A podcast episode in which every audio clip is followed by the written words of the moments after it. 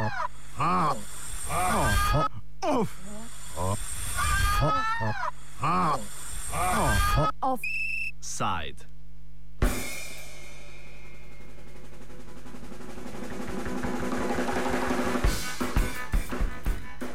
Makedonsko združenje novinarjev je pred nedavnim odklonilo ponovne pogovore z vlado glede zakonodajne ureditve novinarskega dela, ko ji je ta po direktivi Evropske unije pomolila olčno vejico.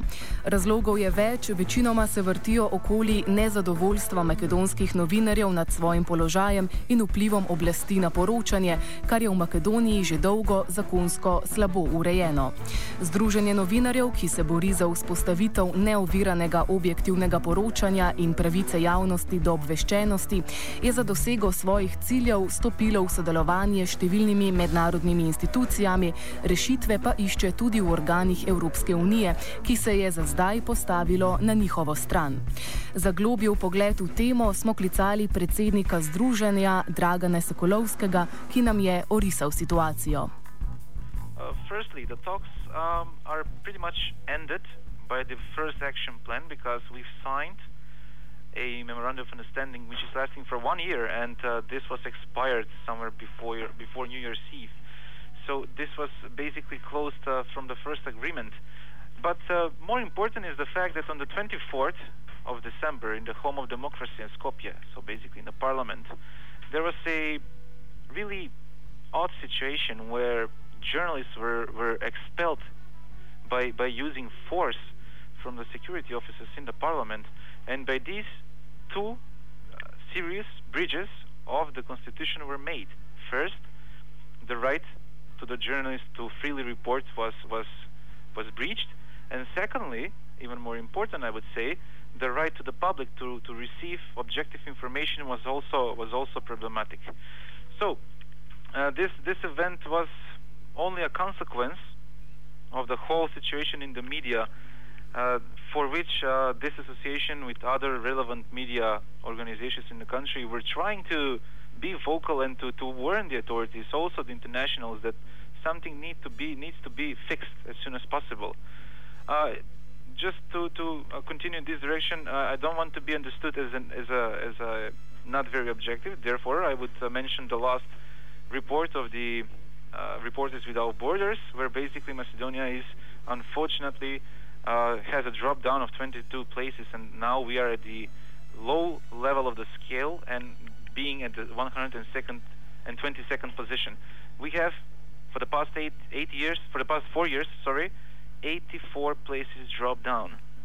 So the situation in the media sector is quite alarming. You know, I'm gonna give several more examples. Uh, you mentioned the incident. Uh, this is, as I, as I said, a consequence from the whole situation that escalated.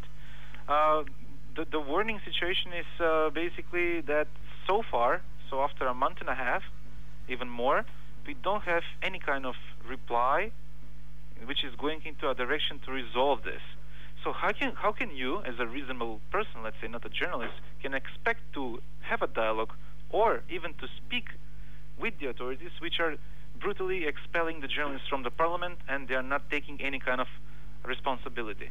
This is a rhetorical question, of course. Pomembna točka njihovega delovanja je tudi polemiziranje in poizkusi vplivanja na sprejemanje novega zakona o medijih. Sekulovski razloži. The so-called uh, media law, which was announced uh, more than a year and a half, so far um, we have not received any kind of draft version of the text. And this is very, very important law because, as, as far as we know, uh, within the text, there is a tendency to regulate lots of lots of the open issues which are important for the media society in the country. So we're really uh, hoping that the institutions would find the strength and would be a bit more let's say, realistic and uh, would make this law possibly after the elections, because now it's not really a good time. We have a local election, election starting uh, next week, and um, the date for, for, for, for the election is 24th of March. We would have the possibility from the institutions this this bill to be presented just in order to help to assist the institutions and to, to make the process more transparent and more influ- more inclusive. I'm afraid this is uh, this might be too late because, as far as I mentioned, this is an open issue for the past year and a half, and uh, so far, this this is on pending.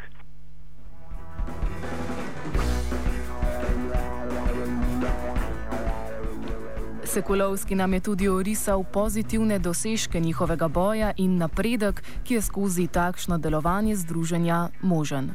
There is also some positive developments in the media community, and this is that, um, you know, in the, in the Balkan countries, uh, our colleagues a few months ago on one international conference mentioned that we in Macedonia shouldn't be so misfortunate because in our country, at least we don't have any any uh, radical measures where basically journalists are being shot on the street.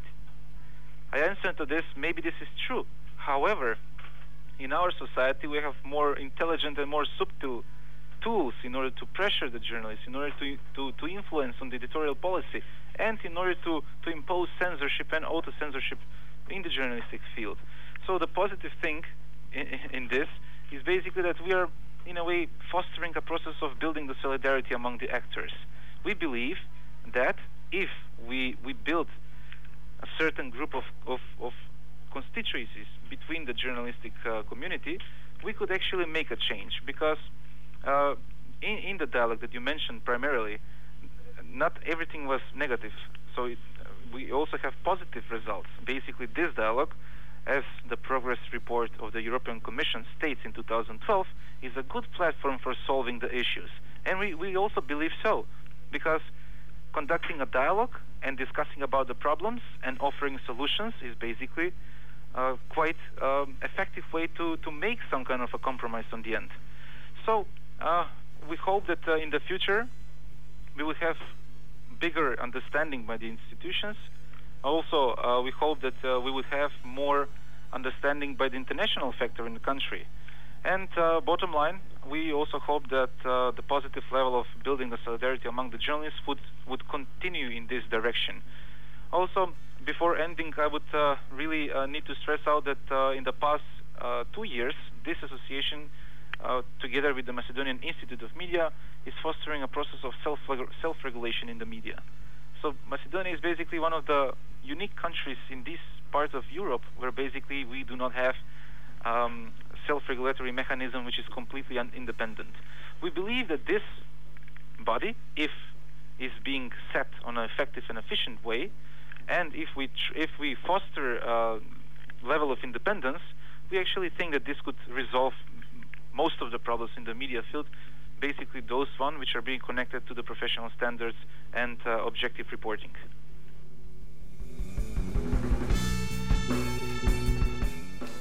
O razlogih za izgon novinarjev iz Sobranja 25. decembra nam je povedal sledeče.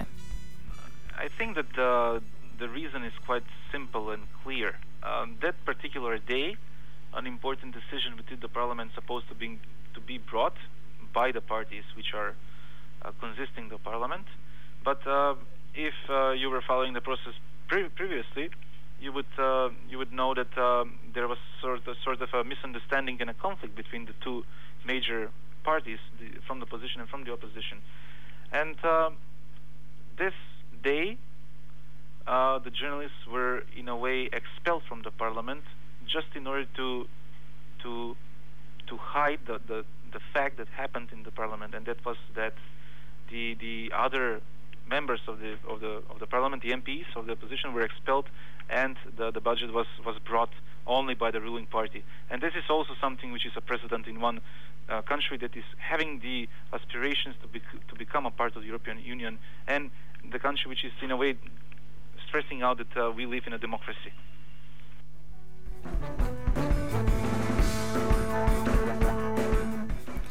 Za konec smo ga vprašali, ali bi lahko njihov boj opredelil kot boj za politično transparentnost. Odgovoril nam je sledeče.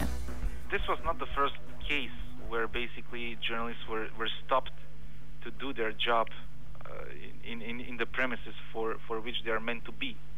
I must stress out loudly that uh, on, on this particular day, on the 24th, uh, none of the journalists actually provoked the situation so the group of them to be expelled because there were also spins in the media uh, imposed from from from the from some of the I'm afraid I, I must admit non-objective media.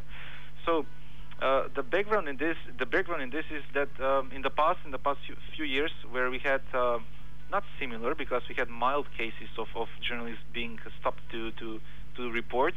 Uh, this was not uh, presented in the public and basically the journalists that were stopped to do their job they were quiet and they were they were afraid to speak loud but in this particular case uh, everything was filmed there was a bunch of people journalists trying to do their job and this is something that we cannot hide i'm afraid uh, i must also admit uh, I'm, I'm, sorry for saying this but the next day uh, there was an attempt from some of the media to spin this to spin the information and to say that the journalists were kindly asked to, to leave the room. But then again, in 21st century, in 2013, where basically every second person is having a smartphone, most of the people being uh, in, in that particular room and from, from other angles video this, this situation. And we were given those videos, and the same day, after a couple of hours, we published the videos, and then the public actually had the right information that basically uh, the journalists were not kindly asked to, to, to, to leave the room, but they were basically expelled by, by force.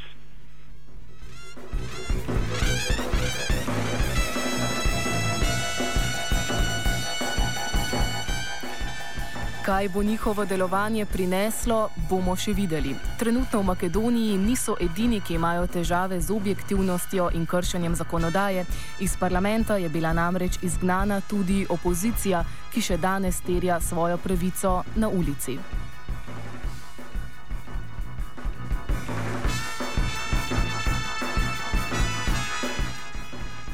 Offside je pripravil vajenec Natan Vitežnik.